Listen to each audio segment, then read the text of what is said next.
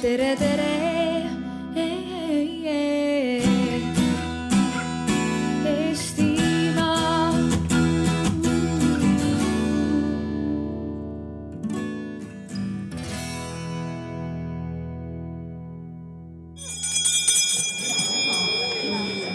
Külas ja haridusministrit ootame ka kella peale kohale.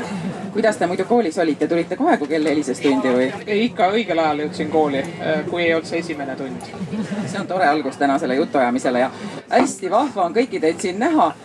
Mina olen Anneli ja juhatan tänast äh, aruteluringi. kohal on hästi rõõmsameelsed lasteaednikud ja ka minister, see on suur au ja lasteaednikud siis mitte ainult lihtsalt äh, teoreetikud, vaid neil on kõigil suur elukogemus, praktika ja vaadake, kui rõõmsad nad välja näevad selle kõige juures. et justkui probleeme polekski meie publik äh, ilmselt koguneb siia ka inimesi juurde, on tõesti, ma vaatan ka väga särasilmne. aga kas te saate kohe alustuseks märku anda, kui palju on teie seas lihtsalt lapsevanemaid ja kui palju on äkki siis äh, nii-öelda lasteaiatöötajaid või haridustöötajaid? alustaks sellest, et kui palju on haridustöötajaid või lasteaiaga seotud inimesi, palun tõstke käsi püsti oh-oh-hoo, tundub, et äh, ka üheksakümmend protsenti. Ja lihtsalt lapsevanemaid on ka, no lastevanemad oleme ju niikuinii. no väga tore, no siis on ikka profiseltskond siin, nii et teil on pinge suur, armsad esinejad. aga meie tänane diskussioon siis äh, peaks kuskile ka välja jõudma, kuigi tuleviku teemad on hästi üldised ja väga keeruline on neist ilmselt rääkida, sest meist keegi ei tea, mida see arenev ühiskond kaasa toob. aga meil on mõned pidepunktid välja mõeldud, me ka kaardistame neid siin, kirjutame üles tahvlile kui teil on soovi, saate panna väikeste märkmepaberite peale omi mõtteid, kui te ei julge neid välja öelda.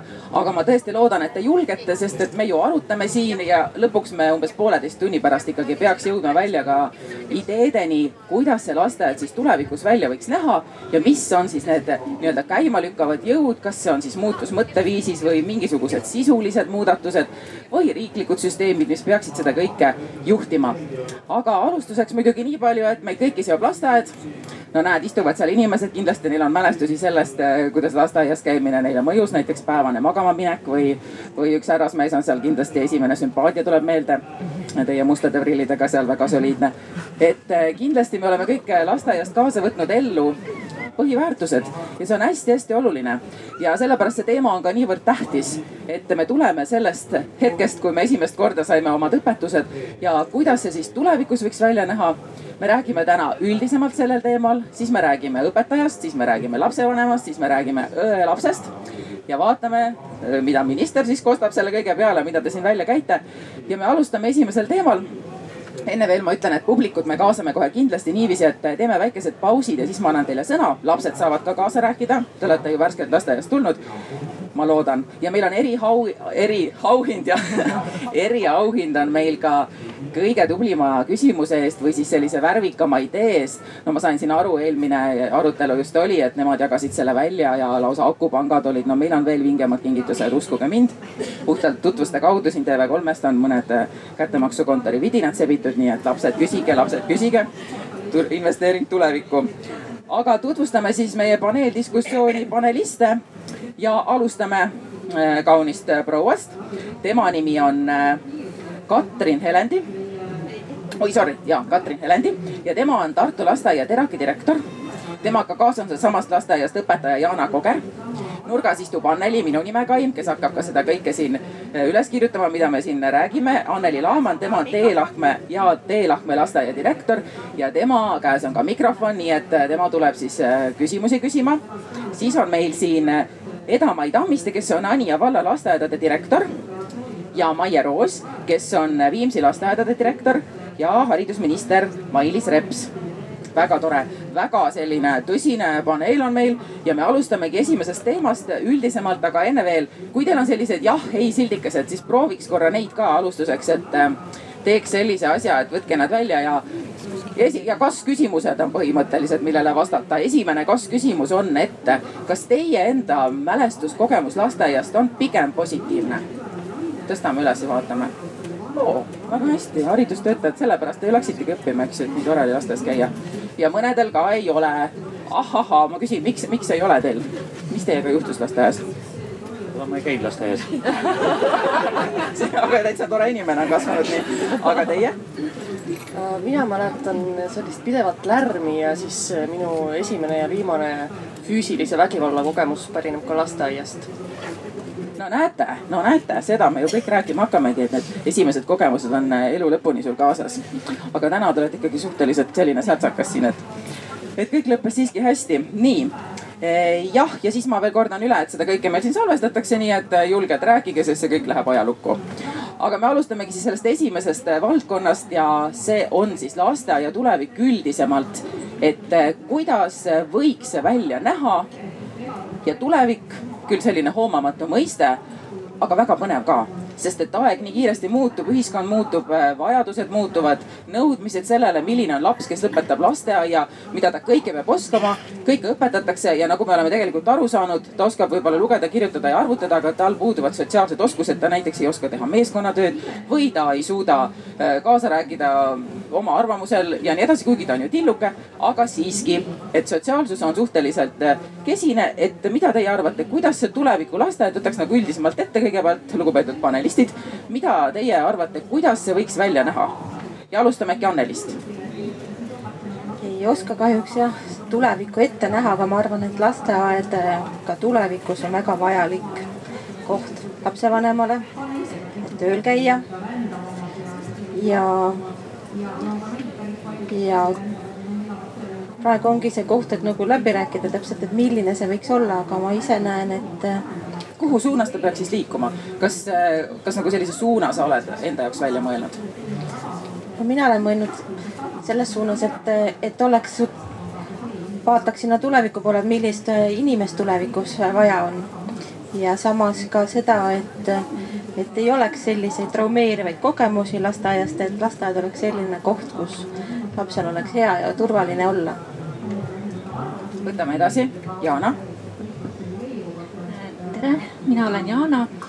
Äh, tulen siia äh, Tartu eralasteaiast Terake, äh, nagu juba ka tutvustati. ja ma arvan, et ähm, nii palju, kui ma olen mõelnud lasteaia tulevikule või kuidas mina seda näen, siis ma kujutan ette, et ta on palju rohkem veel kui praegu selline kogukonna peegeldus. et seal on päris inimesed, päris mured, päris, päris elu, et ähm, ma kujutan ette, et ei ole võimalik ähm, kasvatada tulevikus vabaduse jaoks inimest kuidagi kuldpuuris või sellisel suletud laste, lapsepõlvemaastikul, et on ikkagi äh, see kogukond, kes lasteaias, äh, lapsed, kõik on väga erinevad ja erilised. Ähm, mis ma veel mõtlesin? kas praegu see pigem siis ei ole nii, et sa ütled, et, et. ja on, aga see läheb järjest veel äh, mm, kirjusus läheb suuremaks, kindlasti läheb. ja ma väga loodan, et lasteaed läheb äh, avatumaks selles mõttes, et sinna tuleb päriselu. sest ma näen siiski, et praegu ähm, on sellist ähm, mänguelu ähm, plastmassist äh, purunematud mänguasjad, kõik on nagu mängu mitte, et ma ei tähtsustaks mängu, et mäng ongi lapse jaoks päris, aga, aga et see päriselu tuleb rohkem lasteaeda. ja ma olen mõelnud veel, et kui eh, jõuab õige aeg, siis kindlasti mõeldakse rohkem keskkonna peale. et ma väga arvan, et lasteaed on tulevikus ka haridusasutus. ja saadakse aru, et keskkond ja, ja õpiruum on see, mis tegelikkuses lapsi õpetab, nii et meie tuleviku lasteaiad saavad olema päris ähm, mängimiseks. tuleviku lasteaias laps mängib sest see on sotsiaalsete oskuste alus. aga, aga Katrin, samast lasteaiast äh, ütle sina ka midagi veel juurde, lisaks Jaana mõtetele. et ma toetan ka seda mõtet, et minu kujutluses on need majad on sama, üsna samasugused, sest kui me räägime siin vist kümnest, viieteistkümnest aastast, siis tõenäoliselt nad välimuselt ei muutu. aga ma loodan väga, et see sisu on väga palju muutunud. et äh, on see avatus ja avatus just uutele ideedele, uutele mõtetele avatus just sellele, et ka ühiskond ja väljaspool lasteaeda äh, tegelikult saab teada, mis lasteaias toimub, et saab nendest protsessidest äh, teada ja on sellest huvitatud. ja kindlasti ma näen seal väga haritud ja tarku õpetajaid. ja, ja, ja ma väga loodan, et nendel kõigil on juba mingi eelnev pedagoogiline haridus, et seal ei ole juhuslikke inimesi, äh, kes lihtsalt katsetavad, et kuskil töötada. et nad on äh, väga professionaalsed inimesed, sest neil on, ma arvan, et üks kõige kallim vara on nende kätte antud. et jah, ja, ja ma näen ka seda keskkonda, et see on laste jaoks väga põnev, kus on võimalik palju uurida, avastada ja ma näen seal väga palju rõõmsaid ja uudishimulikke lapsi väga tore, aga Eda-Mai? Mina näen äh, tuleviku lasteaeda hästi turvalise paigana, kus iga laps on oodatud, iga laps tunneb ennast hästi, kus äh, personal on avatud ja arenemis, arenemi-, valmis arenema isiklikult äh, kui ka tööalaselt. kindlasti tuleb kaasas käia meie areneva muutuva ühiskonnaga, et et kindlasti tuleb rohkem sisse digiteemasid, innovaatilisust ja praegu kõik. väga hea. nii, Maie, siin on nii palju mõtteid juba läbi käinud, nii põnev on sul veel midagi värsket lisada? mina saan ainult äh, juurde ju kinnitada, et tegelikult ma olen väga nõus, et tulevikus äh, lasteaia füüsiline keskkond et me täna kindlasti ei räägi tuleviku lasteaiast kui füüsilisest keskkonnast, mis on muutunud, vaid pigem sellest mõtteviisist, et mis, milleks on täna ka see dialoog tegelikult ellu kutsutud. minu jaoks on äh, olulised veel ühed märksõnad, mida võib-olla tegelikult äh, kõikide eelnevate panelistide juures tegelikult ka läbi käis, on koostöö, meeskonnatöö, avatud suhtlemine et kõik lapsed, kes lasteaeda tulevad, tunnetaksid tere tulemast, just sind ma ootasingi olenemata sellest, mis keelt need lapsed räägivad, mis on nende kultuuriline taust, mis on usuline taust, mis on nende erivajadus või individuaalsus. kõik lapsed on lasteaeda oodatud ja ma arvan, et äh, mul on ka väga hea meel siin äh, näidata teile ja esitleda, et meie Viimsi lasteaedades tegelikult selline koostöö vaimsusel ja meelsusel on juba tegelikult mõeldud tuleviku lasteaiale et äh, ma tõin välja siia sellised postrid, mis siis ähm, käsitlevad kõiki neid mõtteid, mida on juba Viimsis lasteaiaõpetajad kirja pannud. et äh, võib-olla siit välja tuua mõned, äh, mõned head ideed on näiteks see, et mida õpetajad ise on öelnud, et võib-olla tulevikus võiks olla reguleeritud lasteaiapäeva pikkus lasteaias. siis muidugi on professionaalne mm, personal aga loomulikult, kui me räägime laste puhul järjepidevusest, siis kõik tublid, äh, motiveeritud äh, ja oma tööd armastavad äh, pedagoogid ootavad siiski, et järjepidevalt ka töötasu oleks siis selline, mis motiveeriks ja oleks ka konkurentsivõimeline. Ja miks mitte siis tulevikus rääkida ka sellest, et sooline jaotuvus meie pedagoogide seas ei oleks nii ühte poole kaldu, vaid ka võib-olla mõned toredad meesõpetajad leiaksid tee meie lasteaedadesse. ja kohe mitu uut mõtet ja lõpetaks kohe siin vasakus nurgas ja Mailis Reps, mida on teil lisada veel siia, siin oli praegu sellest, et päriselu ja avatus ja innovaatilisus ja professionaalne meeskond ja. kui kaugele tulevik, viis, kümme, kakskümmend aastat? ma arvan, et kuskil kümme aastat umbes või viisteist aastat. kümne aasta pärast ei ole mitte midagi muutunud. et kümme aastat läheb nii ruttu mööda, et meil on täpselt samasugused vahvad õpetajad ja õnneks enamik tänased töötavad õpetajad on ka kümne aasta pärast seal no,. millal see muudatus võiks tulla? et, et, et jah, et tegelikult äh, no muutuseid on palju. esimene asi, et meil tuleb äh, aina erinevaid lapsi lasteaeda ja kus me saame riiklikult äh, kõik üheskoos tunnistada, et tegelikult kui koolisüsteem räägib äh, individuaalsusest, erivajadusest, õpetajate ja laste toetamisest hästi palju siis lasteaia probleem on tegelikult äh, väga palju lasteaedade enda tasandil äh, alles äh, lahendada ja, ja meil ei ole ka häid lahendusi. aga vabandust, ma läksin kohe nagu väljakutsete juurde. aga põhimõtteliselt probleem on selles, et selleks, selles vanuses enamus diagnoose ei panda välja lasteaiaõpetajad ja kool ja lasteaiajuhatajad on esimesed, kes alles lähevad neid õppe, lapsevanematele seda kurba uudist äh, viima ja, ja see on väga suur väljakutse, et kui me tahame kümne aasta perspektiivis mingit muutust, siis esimene on see individuaalsus nagu päriselt, et me suudame oma lasteaedu ja õpetajaid toetada, et nad tegelikult saaksid aidata seda lapsevanemat, kes eriti issisid, kes esimest korda kuulevad, et tegelikult see laps vajab nagu teistsugust lähenemist. nüüd teine, mis on igasugused muud asjad individuaalsuse juures, et äh, kas me saame väiksemasse rühma jaotada, kas meil on äh, ruumivõimalusi, et see kõik kaasneb sellega, et ma arvan, et see on, kui kümne aasta mingisugust suurt muutust ootaks ma arvan, et see on äh, ka nüüd lasteaia uue õppekava puhul jooksis hästi tugevalt läbi. et kuidas me saaksime teha seda paindlikumaks, sest täna see kakskümmend neli pluss kaks, et kakskümmend kuus on ikka pigem reegel kui erand ja, ja sealt nüüd tuua üks või kaks või neli last välja. ainukene lahend täna on tugiisik, aga see tegelikult ei tööta ain-, noh kõikidel puhkudel. selge, nii et lapsekesksem. ja, ja lapsekesksem. väga tore. kas publik äh, ka midagi võiks vahele öelda, sest et kindlasti teil on enda nägemus, te olete kõik seotud lasteaedadega kas on siin äkki keegi veel, kes midagi ütleks? kus olid haridustöötajate käed, te olete väga targa näoga, nii.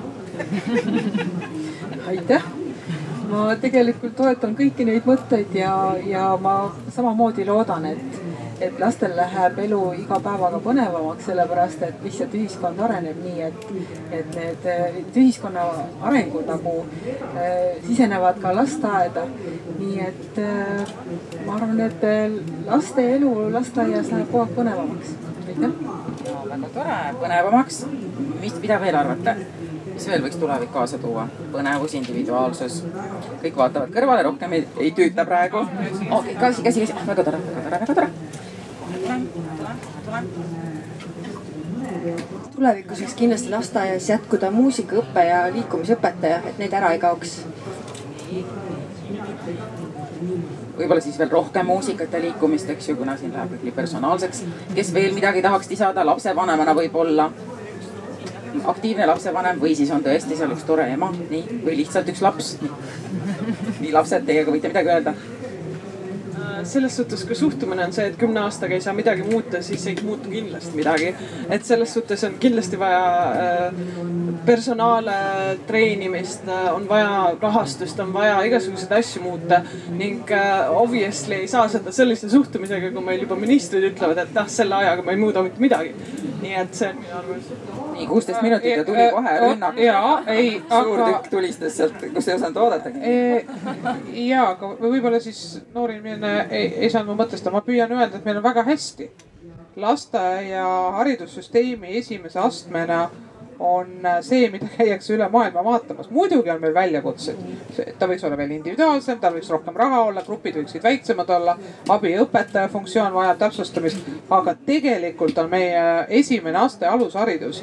meil on kõrgharidusega pedagoogid, meil on suurepärane kaader, meil on väga motiveeritud äh, selline, ütleme, koostöövalmidus. anna ainult võimalus, meil on lasteaiaõpetajad, kes on valmis iga hetk koolitama minema. muidugi on erandeid, alati on väljakutseid aga, aga üldiselt on nii hästi, et ärme nüüd kümne aastaga midagi revolutsioonilist korralda. jah, et me ei ole halvim, aga me ei ole ka parim, alati on midagi, mis vajab muutmist ja näiteks logopeedid. lasteaia logopeedidega on väga puudusi, puudujääke, palkade vähesus. kui õpetajatel ja lasteaiakasvatajatel tõstetakse palka, logopeedile ei tõsteta nii, no vot logopeedidest vist siin just eelmine arutelu oli, nii et kindlasti paneme linnukese nüüd, selle linnukese paneme sinna kohale. ma võiksin siia kommentaariks juurde öelda, et, et nii nagu ma rääkisin koostööst, meeskonnatööst, avatud suhtumisest ja suhtlemisest. et tegelikult täna on lasteaial hästi palju võimalusi. küll aga kindlasti, mis on, meie Eesti on küll väike, aga väga erinev kohalike omavalitsuste võimekuse osas. et see, mis on võib-olla Viimsi lasteaedades võimalik, ei ole siin Kesk-Eestis võimalik et aga, aga ma tahaksin siia juurde veel öelda, et, et need muutused, millest me tegelikult täna siin sooviksime rääkida, dialoogi pidada, et need ei pruugi olla kõik rahaga seotud. et tegelikult mõtteviisi muutmine ei tähenda raha seda, et meil tegelikult täna hakkab väikselt lasteaeda probleem tekkima et kui meile tulevad muukeelt kõnelevad lapsed rühmadesse, siis õpetaja tegelikult tunneb, et ta vajab abi et äh, kuidas seda abi teinekord on, on see, see koht, et kui me koostöös kutsume esi, äh, kutsume ellu sellised vestlused meeskonnasiseselt, siis me oskame tegelikult üksteist aidata. meil on väga palju kogemusi, meil on väga palju praktilisi näiteid, õppemänge, õppevahendeid aga võib-olla see meie tunne, millega mina tegelikult juhina üsna palju kokku puutun, on see, et minu rühm, minu õppevahendid, minu lapsed meie lapsed, meie lasteaed, kõik need kuus rühma või kaksteist rühma, mis ühes majas on, need on meie lapsed ja meie töö on see meie lasteaed. ma Maiele täienduseks äh, lisan ühe väikese näite elust. ma siin kogusin kokku oma tuttavate käest, kes on samuti pedagoogid mul on endal ka tegelikult pedagoogiline haridus, kuigi ma ei ole kahjuks päevagi töötanud, aga kes teab, see võib veel juhtuda pärast tänast arutelu siin. tagasi kooli, just, tagasi lasteaeda ja. aga siin seesama, see meie näide hästi haagib selle Maie jutuga, kuidas üks õpetaja hädaldab, et nende rühmal pole korvpallirõngast aga tegelikult see rõngas on teisel pool maja, aga seal mängib teine rühm ja õpetaja lihtsalt ei taha sinna teisele poole maja minna, sest seal on võõrad lapsed, kuigi need on tegelikult sama lasteaia lapsed. aga vot see on täpselt see sinu äh, jutt siin, et, et kes on siis meie lapsed ja kes ei ole meie lapsed. ja noh, kindlasti on ju tüütu õpetajal tõepoolest võib-olla seal nii-öelda teise rühma lastega sebida, aga tegelikult see rõngas oli seal olemas. et, et see on see meie laste näide siis. aga mis puutub äh, nüüd sellesse õpetajasse, hästi huvitav oli see, mis Maie jälle ütles, et äh, et, et kuidagi see meelsus või selline no kuidas ma ütlen, mugavustsoonis ollakse võib-olla või et ei ol-, ei olda valmis uueks. ma ei tea, kui palju see tõele vastab. nägudest on näha, et võib-olla me jõuame siis kohe palgateemani, eks ju, kõik hakkavad ütlema, et raha ju pole, kuidas ma, kuidas ma saan siis, kui mul pole raha. noh, ma ei saa olla parem õpetaja või saab või? kindlasti kolm tuhat eurot, neli tuhat eurot ei pane seda tööd, see töö ei saa siis meeldivaks ja lapsed ei saa siis, ma ei saa lapsi armastada, kui mul on kõrgem palk. see töö peab meeldima, lasteaias saab töötada inimene, kellele see töö väga-väga meeldib. mulle meeldivad lapsed, see on esimene kriteerium aga kindlasti ma arvan, et äh, tubli, tubli ja motiveeritud oma, oma tööd armastav konkurentsivõimelisuse tõstmiseks, siis kindlasti on töötasu üks, äh, üks selline kriteerium. motivaator motivaator, aga mida veel, mida veel, kui me nüüd õpetajale teemale edasi läheme, vot sellest üldisest äh, põgusalt siin oli, aga, aga nüüd lasteaiaõpetaja elu, eks ju, kas siis õpetajad on mugavustsoonis või ei ole? Kindlasti on Eesti lasteaias hästi palju väga tublisid õpetajaid, kes võtavad igasuguseid va väljakutseid vastu, et me ei saa teha neile liiga. aga tihtilugu põrkume me ka sellise suhtumise vastu, kus, kus õpetaja on mugavustsoonis, kus ta ei soovi võtta keerulist last, kus ta ei soovi muutust. hea on teha oma tööd vanamoodi, hea on teha seda nii nagu kakskümmend aastat tagasi tehti et äh, võtta mingeid uusi metoodikaid omaks, äh, õppida, areneda ja ka seda, mida sa õppinud oled, oma töös kasutada, et seda tihtilugu ei, ei ole. nii, aga siin just äh, oponeerib. ma täiendangi sinna, et tuleviku lasteaias ütleme kümne aastat me ei suuda, ei tööta õpetajad, kes on sellepärast seal, et laupäev, pühapäev on vaba ja suvel on puhkus, vaid ta on sellepärast seal, et need on imearmsad inimesed, kes mul on, minu kätes on nende tulevik ja ma teen nendega koos, ma olen nendega koos ja nad on meie omad. niivõrd hästi öeldud, kaua te ise olete õpetaja olnud? Hakkab kohe kolmekümne teine aasta minema kõik need aastad armastate lapsi? ja ma olen see kaheksa lapse ema ja mina olen seda tööd tulnud seepärast tegema, et minul oli imearmas kasvataja sel ajal ja tema jälgedes läksin mina ja tema surmani olen mina tema suhtlesin ka iga aasta. aga siin on praegu see jutt just, et peaks olema paindlikum ja avatum.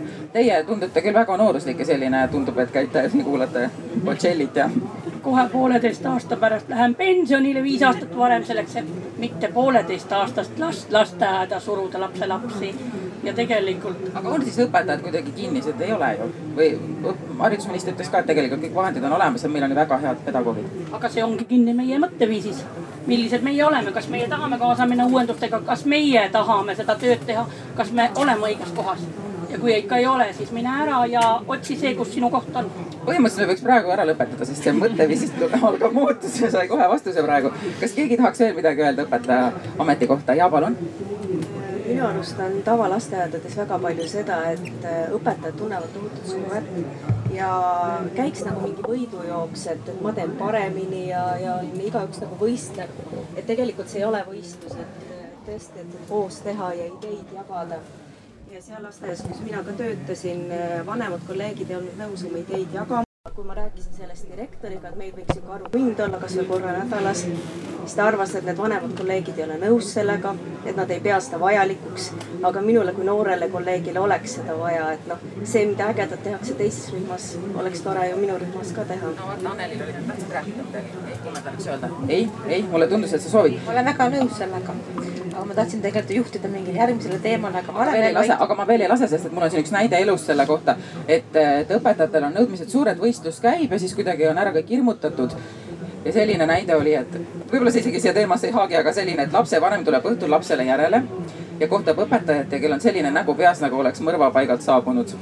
lapsevanem ehmub ja uurib, mis juhtus. Ja õpetaja ütleb, et vabandage väga, et lapsel said täna hommikul täiesti märjaks, et teist paari ei ole et ühesõnaga õpetaja oli täiesti šokis, tegelikult sellepärast, et äkki lapsevanem hakkab äh, midagi nõudma, midagi karjuma, midagi, midagi ette võtma.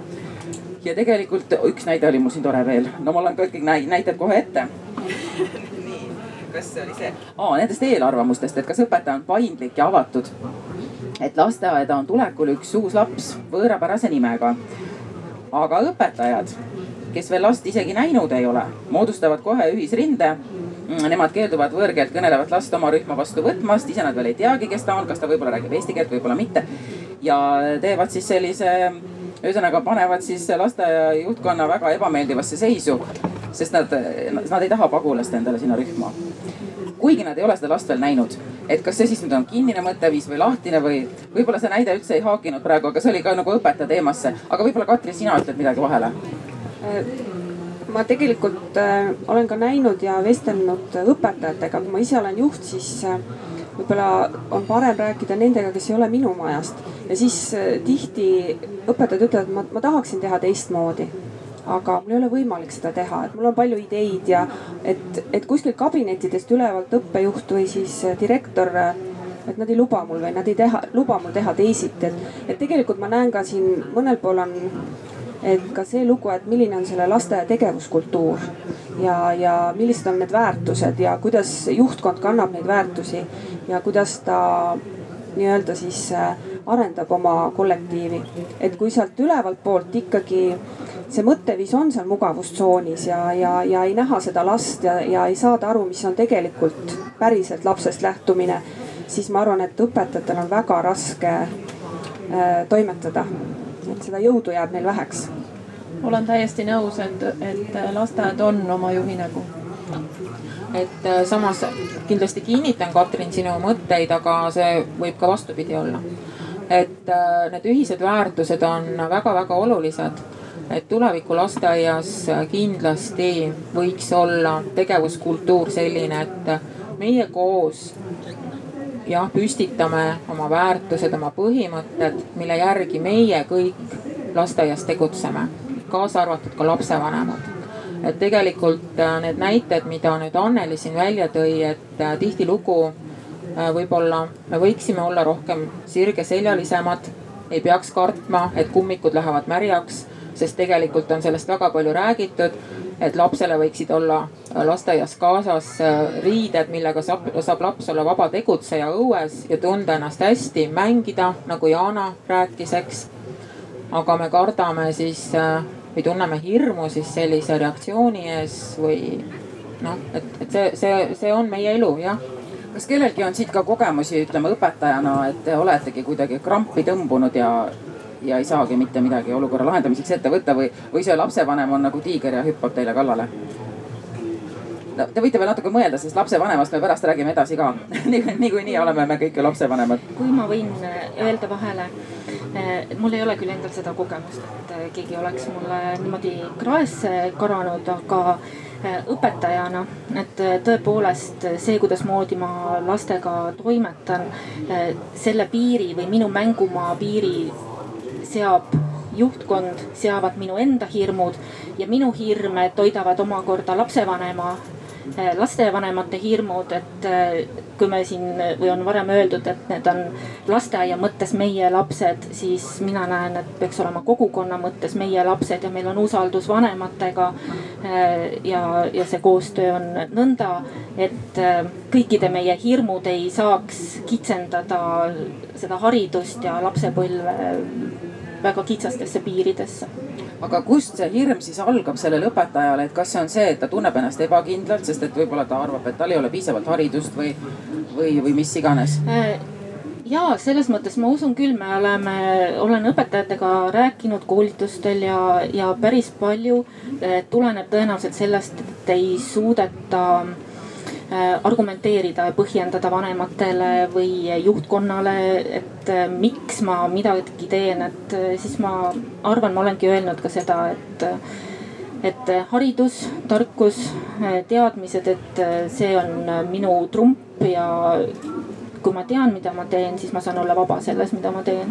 nii et ma arvan, et haridus, õpetajakoolitus sellest algab kuidas praegu selle õpetajakoolituse tase on muidu ja haridustase, et haridusminister kindlasti oskab öelda, et tegelikult juba ütleski, et väga hea on aga, aga miks siis, miks siis noored ei lähe lasteaeda? ma saan aru, et kui ma liiga palju kiidan, siis on ka halvasti, et ma siis äh, võtan selle eestlasliku tooni ja räägin murekohtadest, et äh, ma kinnitan teile jah, et meil on väga äh, mitmepalgeline ühiskond ja äh, iga lapsevanem või vabandust, iga lasteaed ja lasteaiaõpetaja näeb oma rühma mina näen veidi seda peegeldust, mis siis ministeeriumi välja jõuab ja meie lapsevanemad on üsna altid kirjutama kaebekirju.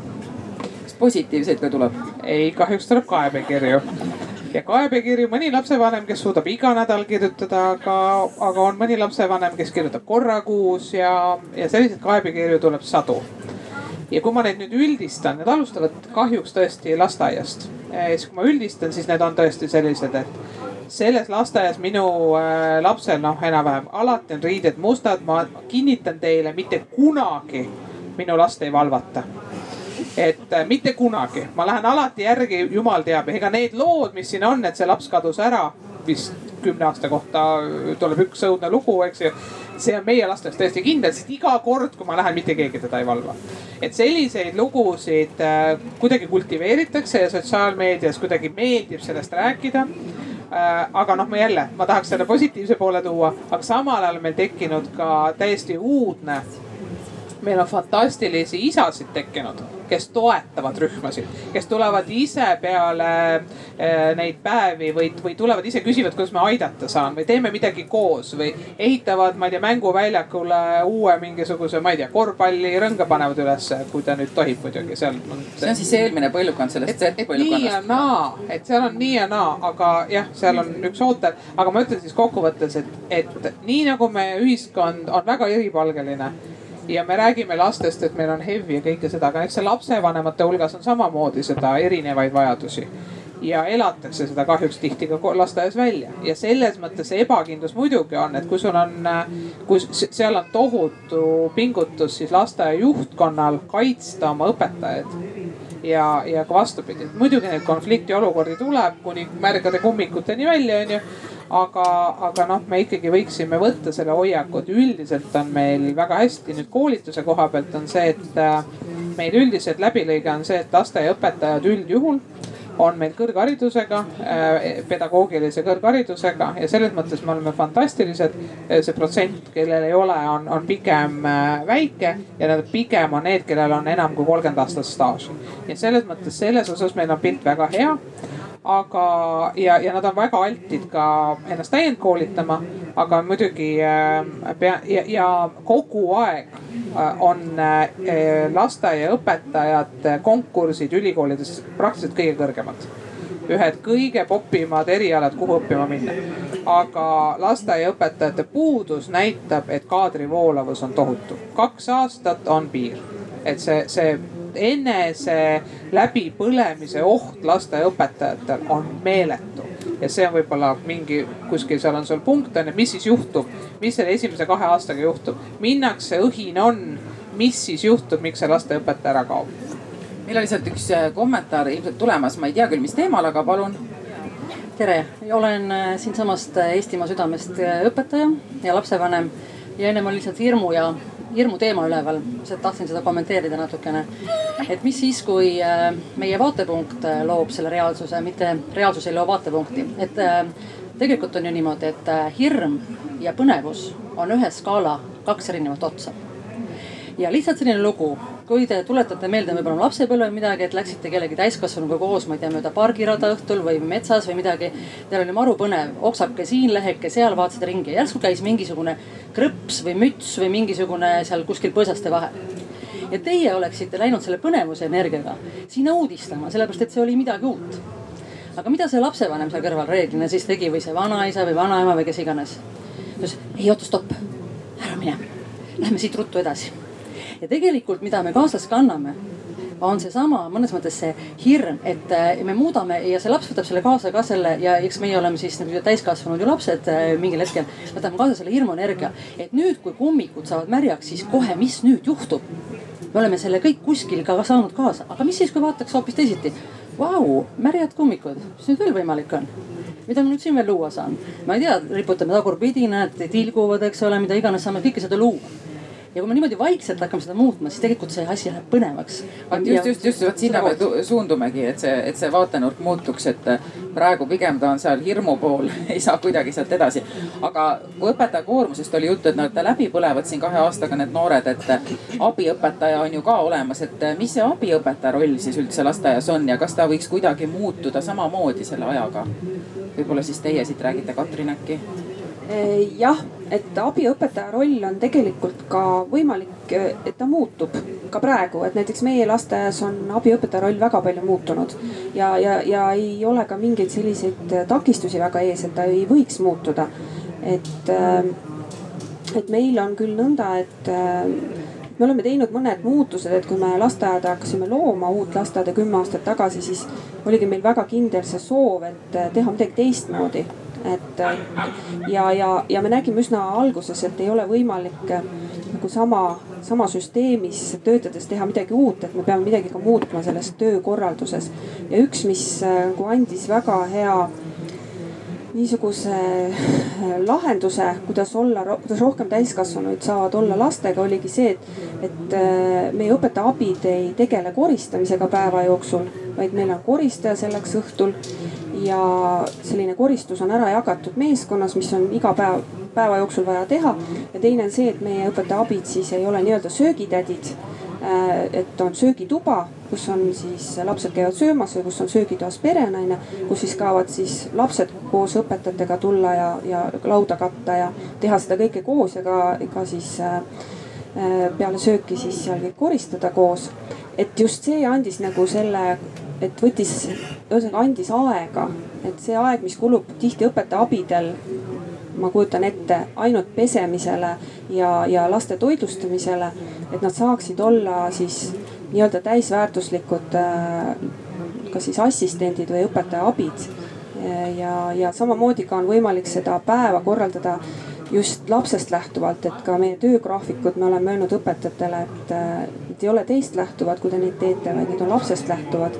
et ka seda on võimalik äh, niimoodi sättida, et äh, mitte see, et mul on pikad päevad selleks, et ma saaksin siis äh, pikalt olla puh-, puhkusel nii-öelda, pikad nädalalõpud, vaid et pigem see, et kuidas saaksid kolm inimest olla hommikupoole, on see kõige niisugune olulisem lastega tegutsemise aeg, et olla siis hommikupoole koos ja et oleks ka koostööaega. vabandust, ma segan teid vahele, aga seesama asi, et see paindlik äh, töökava, no vot mina ju ise õpetajana ei tööta, aga kas see siis tähendakski tulevikus seda, et ikkagi lapse järgi käib see asi, et kui näiteks vanem tuleb järele õhtul hiljem, siis äh, sellest ei ole probleemi või kui ta tuleb, ma ei tea, poole. see on teatud piirides loomulikult, et, et see tasakaal peab ikkagi olema selle lapse päevas ka, et me ei saa ka igalt poolt vastu tulla lapsevanema soovile, et kella kaheksani näiteks last lasteaias hoida.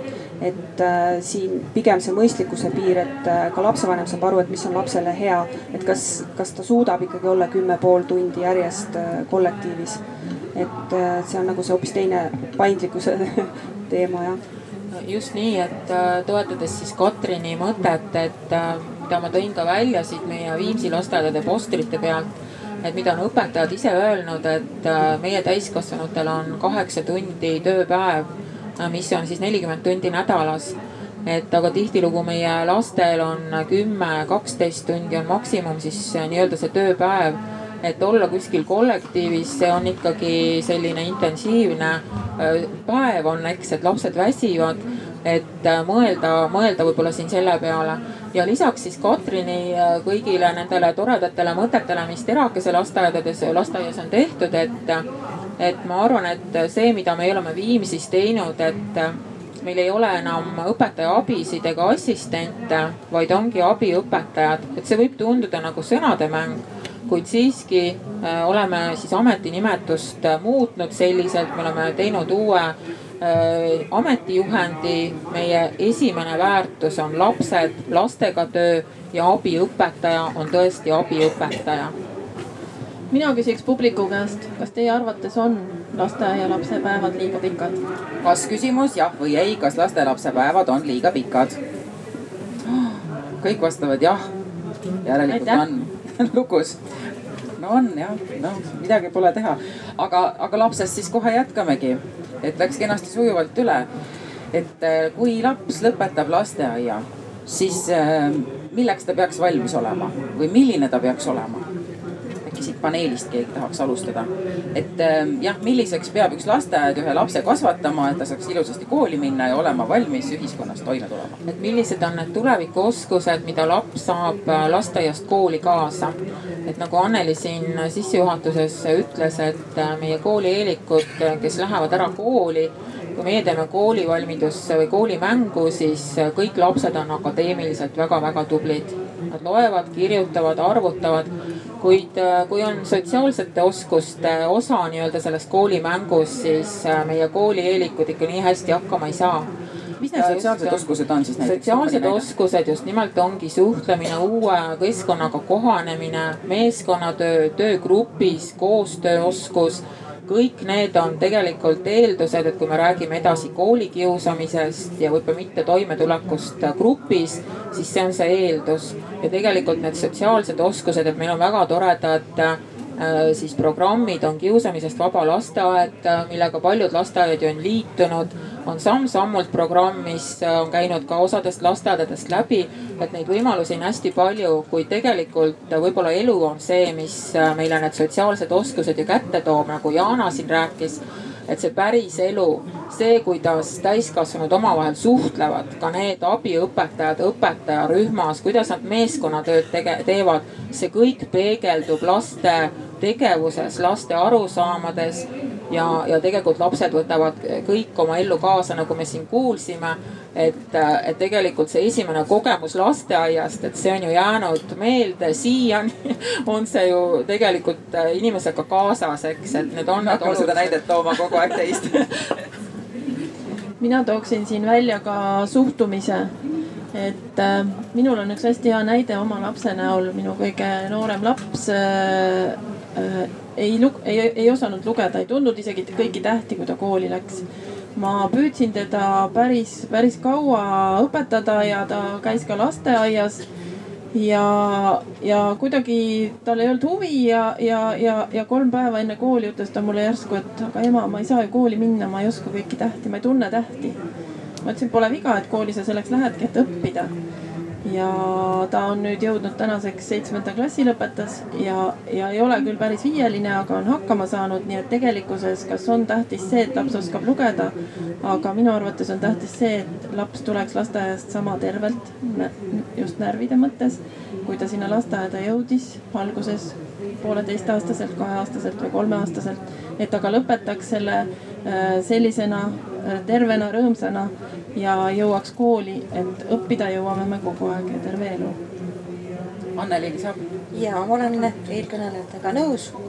tahaks rõhutada ka seda, et väga oluline on tegelikult juba lasteaias panna alusbaas os õpioskustele, kuidas ma õpin ja sellise ennastjuhtivale käit-, noh, et ma ise õpin ja et säiliks lapses see loomulik see uudishimu ja soov teada saada ja uurida ja avastada, et, et tuleviku lastes ma näen väga suurt rolli just seda, et toetada seda lapse enda olemust, seda, et ta on uurija, et laps on oma põhiolemuselt uurija ja avastaja.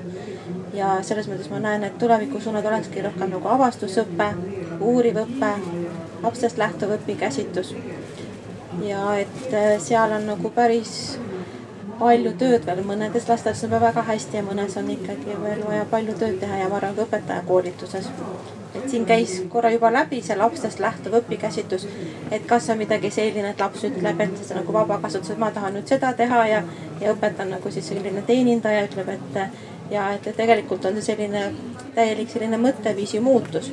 et me kohtame väga palju sellist õpetajakeskset lähenemist, kus õpetaja vaatab, kuidas temal oleks mugavam ja kohtume ka sellist lapsevanema keskset mõtlemist, kus tema vaatab, et minul on vaja, et minu laps oleks kella seitsmeni lasteaias, aga ta ei mõtle oma lapsele, kui pikk päev see temale on ja kuidas ta tegelikult kuuest, kui kõik juba lähevad tema rühmast ära ja ta istub seal tund aega valverühmas, et mida see väike laps seal tunneb, et kas see on lapsele nii hea seal valverühmas olla, sest vanemal on vaja, et tal oleks kell seitse lapsele järgi tulla ma olen Anneliga täiesti nõus ja ütlen, et pooleteistaastane kuni kaheaastane laps kindlasti ei tohiks olla kaksteist tundi järjest lasteaias.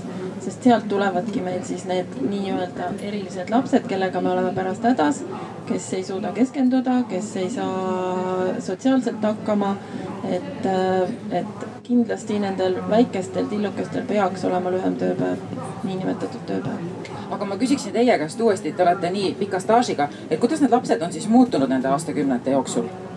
kas neil on iseloom ikka ju või selles mõttes, et loomuses on ikka ju samasugused äh, laste mängud ja mõtted, aga on neil nagu käitumises, mis on käitumises muutunud? ei oskagi öelda, võib-olla muutused, mis on, on rohkem selle nüüd, ütleme, mul on teine lend praegu, kelle sõimest võtsin ja nende kahe lennu vahel on vahe see on siis ju viimased aastad, selles mõttes, et siis võib juhtuda, et siin kümme-viisteist aastat toob väga suure muudatuse veel. aga mis need on siis?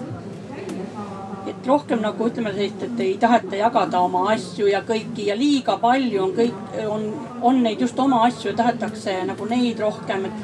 aga selleks on meie, me saame neid muutuseid teha. kas kellelgi on veel tähelepanekuid? ja väga tore. kuna mul on pedagoogilist staaži no hästi palju, mõned aastad neljakümnest puudu ma olen kõrglas nelikümmend aastat, tõesti, et võin öelda, laps on laps laps on laps alati. ainult mida me näeme võrreldes nõukogude ajaga, kui need lapsed, keda me nüüd eriliseks nimetasime, olid kinnistes koolides ja nad ei tulnud sootsiumisse, siis äh, praegu on nad kõik meie seas. aga mida ma tahaksin öelda õpetaja ja lapse suhtest meil on olnud Eestis, ta on lahkunud meie seast, üks geniaalne koolimees, Voldemar Pinn kes on väga palju õpetajatele teinud metoodilisi koolitusi, metoodilisi materjale.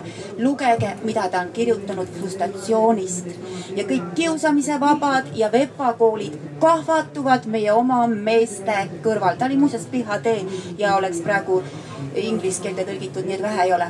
aga tema kui õpetaja oma Haapsalu sanatoorses internaatkoolis. tal oli milliseid lapsi iganes. oli ka lastekodulapsi ja ühel jõulupäeval, kui kõik kell viis kogunesid jõululauda, tuli Pinn kell kuus. sest kell viis oli ta oma koolis, ta oli direktor. aga kell viis oli tema oma koolis. tassis nendele lastekodu lastele jõulupuu, oli endale pannud jõuluvana kostüümi selga. ja ta tegi nendele kodututele lastele pidu ta kinkis neile jõulud. ja kui oli see aeg, et Haapsalu linn saatis Voldemar Pinni viimsele teele. Posti tänav on pikk Haapsalus, siis terve see tänav seisis, kui Pinn läks autos mööda. Kõik seisid kindlasti oli seal neid, kes ei olnud oma kooli ajal üldse viielised. üsna kahelisi inimesi oli, nii et laps ei ole muutunud, aga leidke laps ülesse tahtsin lõpetada sellega. Muutustes, üks asi on, mis on muutunud, muutunud on see, et kui aastaid, kümneid tagasi oli see, et kui üks, kui ema on väikse lapsega kodus, siis mahtus see teine laps, see vanem laps, lasteaialine ka koju. aga tänasel päeval kahjuks eriti tuleb see suvel välja, kui on rühmad koos et need lapsed on esimesed, kes tuuakse lasteaeda, jäetakse väike õde-vend sinna ja sealt ka tekivad neid, ütleme neid erilisi lapsi ja kõiki, kes tunnevad ennast natuke teistmoodi. mina tahaksin ka lisada, mina tahaks lisada seda, et mina olen märganud, et meil on tulnud juurde kõnetuid lapsi ja miks nad on kõnetud, kõnetud on nad sellepärast, et nendega kodus ei räägita emad-isad on nutitelefonis, ekraanid on ees ja lastega ei suhelda. Ja, ja see on see põhjus, miks meil on päris, päris palju kõnetuid lapsi. Aga siit ongi tore minna lapsevanemate teemale siis tuleviku lasteaia kontekstis, milline see tuleviku lapsevanem siis välja võiks näha. siin on ka üks näide jälle mul kirjutatud, üks kolmeaastane laps ja teda ei saadud üle viia vanemasse rühma, kuna ta ei osanud paljusid vajalikke toiminguid. ei osanud ennast näiteks riidesse panna ise, ise süüa. ja kui siis lapsevanemaga räägiti, kes oli muidugi väga häiritud, et miks tema laps ikkagi, näed, kolmeaastane, teda edasi ei viida siis õpetaja selgitas, et, et tuleb ikkagi teatud asju ka kodus õpetada ja lapsevanem, oh seda üllatust, nädalaga tegi lapsele kõik asjad selgeks. Ja tegelikult eh, lugu oli lihtsalt selles, et see lapsevanem ei tulnudki selle peale, et tema võiks kodus ka midagi õpetada.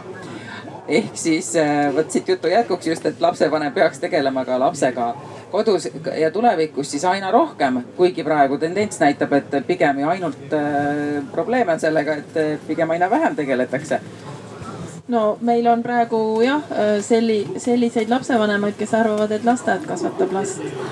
kool ju kasvatab ka last. tuletaks meelde, et la, lasteaed on kodu toetav lasteasutus, et me ei ole, meie ei ole kodu. kodu on ikkagi põhi, põhiasi, kus tuleks lapsega tegeleda ja jällegi lisaksin siia juurde sellise koostöö mõtte ja meeskonnatöö tegemise. Lapsevanemaga, kõik on tegelikult suhtlemises kinni.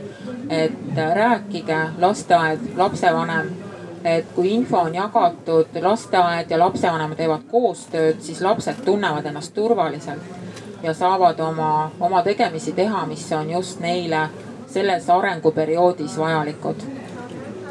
Tahaks veel täiendada, et tegelikult väga oluline teema on Eestis edaspidi vanemaharidus. et kui sa ostad kodus või ostad poest näiteks köögikombaini, seal on instruktsioonid kõik juures, kuidas sellega teha. aga kui sa saad lapse, siis paljudel ei olegi, on omad, kuidas tema ema teda kasvatas, kuidas tema vanaema teda kasvatas, need, need mustrid.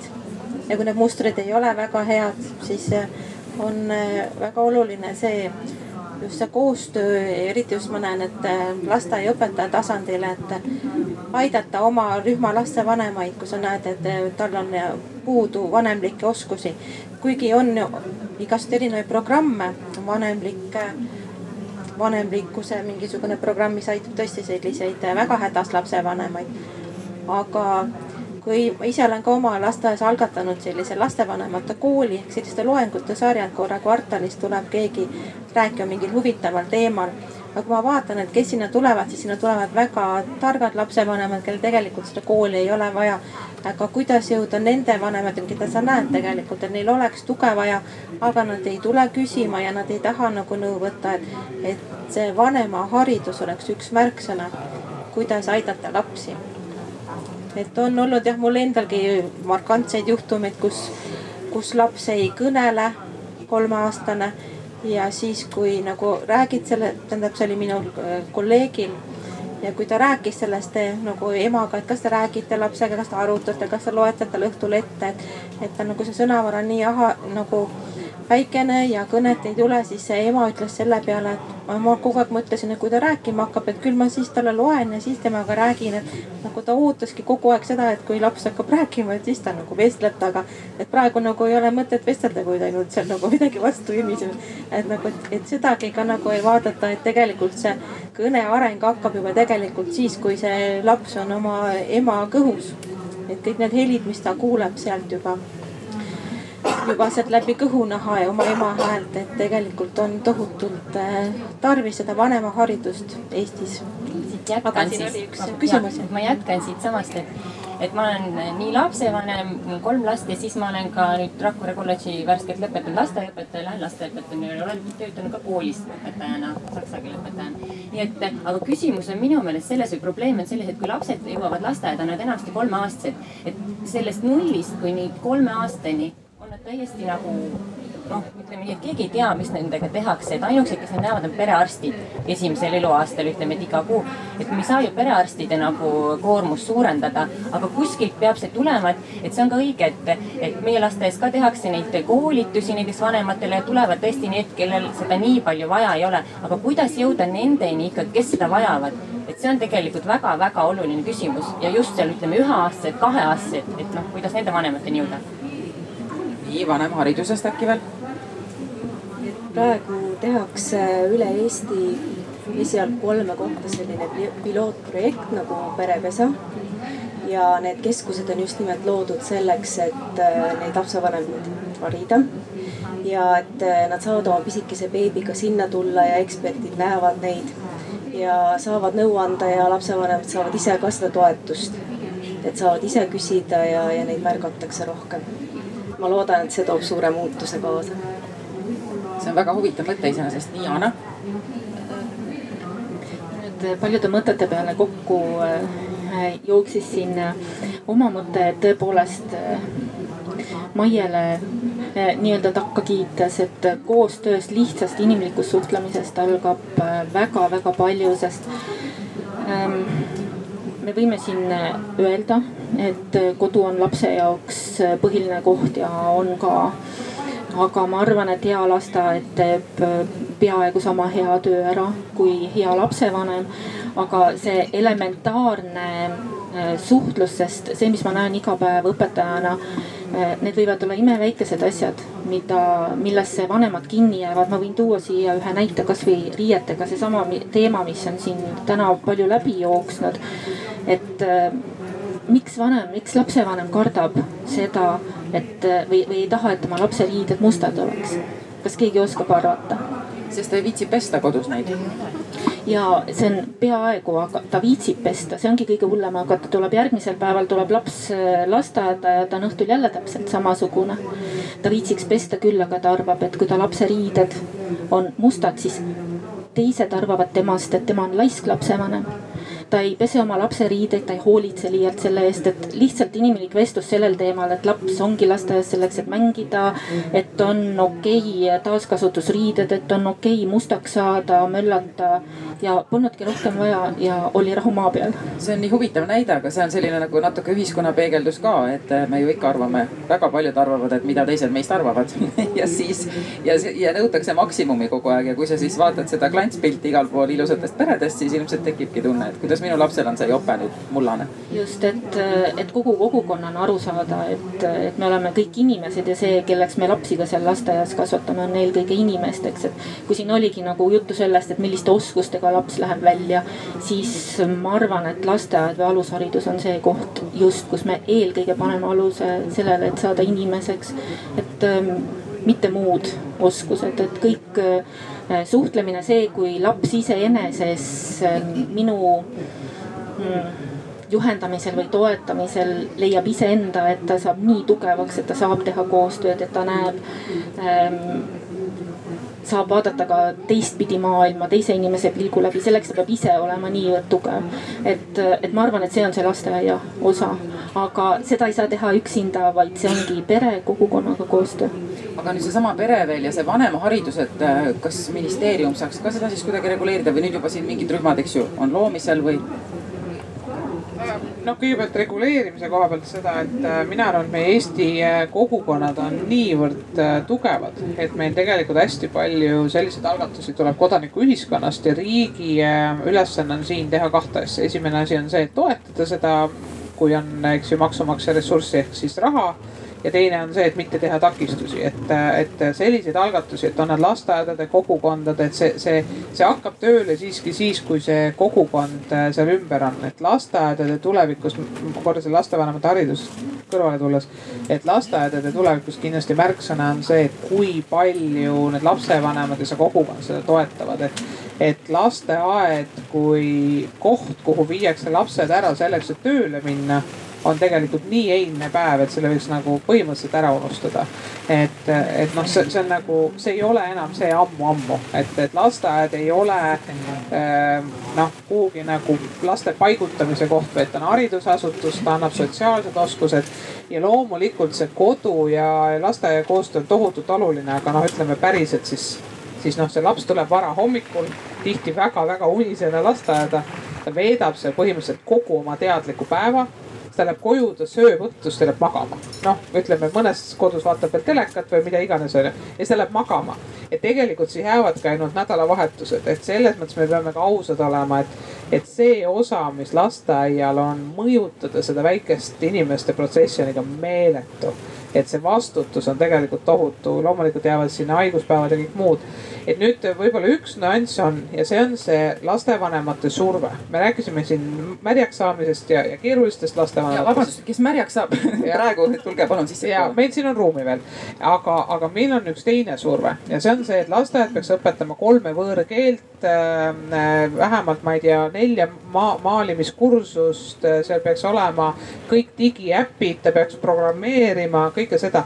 et kuidas olla vastu sellele ühiskonna survele, et tegelikult me jõuame selleni, mis päriselt on oluline ja see on sotsiaalsed oskused see, et ta tõepoolest on individuaalse lähenemisega, see, et ta suudab ennast väljendada, see, et ta suudab grupis töötada, see, et ta suudab oma uudishimud säilitada. see, ta julgeb küsida ja, ja seda sõnastada, et need on tegelikult need väärtused, mis temal hiljem koolis äh, raskusteks kujunevad. et, et kuidas me nagu kõik üheskoos suudaksime kanaliseerida aina rohkem ühiskonda tagasi seda, et see, et ta ei oska prantsuse keelt äh, kuueaastaselt, ei ole nii hull ta suudab seda veel õppida terve elu. aga, aga ei, ma vabandan, tõsiselt nii on. ja teine surve, mis siin on natuke kajastunud, on, on tõsine. Ma saan aru, et siin on ühiskonnas ka vastuseis kohutav, aga see on see, et lasteaiad ei pea olema kakskümmend neli tundi, mis kahjuks juba osad on. ja nad ei pea olema absoluutselt iga päev lahti ja nad ei pea olema. see on väga põnev suve. nüüd, nüüd läks põnevaks. et see on, äh, kas meil tegelikult on laste, see on, see on jälle see vaidlus, et ühelt poolt me tahame ühiskonnas aidata kaasa sellele, et paindlikute töökohtade ja kõige sellega. me kõik teame, eks ju, üksik ema töötab Selveris, tal on, eks ju, vaja, ta töötab laeva peal, tal on seda vaja. aga kahjuks me näeme neid lapsi, kellel ei ole suvel mitte ühtegi vaba päeva mitte ainsamatki vaba päeva ja see ja arv aina kasvab see arv aina kasvab. ja mida ilu- ja, ja mida ja mida ilusam ilm, seda vähem on tal vabu päevi. et, et tegelikult, kas meil on vaja ka lapsi kaitsta, see on tegelikult tõsine küsimus meil on vaja lapsi kaitsta, vabandage, et ma nüüd vahele pressisin jutuga. E, ma võin tegevõpetajana öelda, et kui proua minister ütleb, et lapsevanemad nõuavad ja suruvad kõiki osasid õppekavasse siis on sageli ka vastupidi, et õpetajate seas on legend, et ministeerium nõuab. ja ma väga rõõmsalt tahaks teada, et ministeerium ei nõua, kui õpetajal on oma metoodika, mida teha ja tema rühmas asi toimib. võõrkeeltega nüüd on niimoodi, et tavaliselt nad on ringitundidega. kes leiab, et ta laps peab õppima, siis õpib. küll aga Tallinna linnas on tõepoolest juhatajatele surve võetaks sisse võimalikult palju ringitunde, sest üks saali rent, vähemasti eelmisel õppeaastal oli kuus eurot ja on maju, kes korrutavad kuusi arvuga N. nii et siin ei saa öelda, et see on ainult lastevanemate surve aitäh, aitäh. Äh, mina tahaksin siin äh, öelda juurde, et tegelikult meie alushariduse õppekava võimaldab olla vaba õpetajal ja olla oma õpikeskkonna juht praegu. Et ma usun, et, et seda ka lasteaiajuhid järgivad et võin öelda Viimsi lasteaedade juhina, et mina tunnetan mitte vallavalitsuse poolset survet, et huviringid peavad lasteaiaruumides tegutsema. pigem on see lapsevanema väga suur ootus. et tegelikult meie lasteaias suudame lasteaia õhtupoolse aja ära sisustada lastele väga toredaks ja meeldivaks ajaks kuid huviringid on väga-väga suur lastevanemate ootus täna nii on veel. mina arvan ka, et äh, lastepäev on liiga ära sisustatud. meil on äh, väga palju tegevusi hommikupooli, hommikupoolikul ja lapsed tahavad äh, rohkem mängida et minu kogemus on siit äh, samast Paide päevilt, kus äh, lapsevanemad tulevad õhtul lapsele järgi ja laps ütleb, et miks sa tulid nii vara, ma pole mängida saanudki.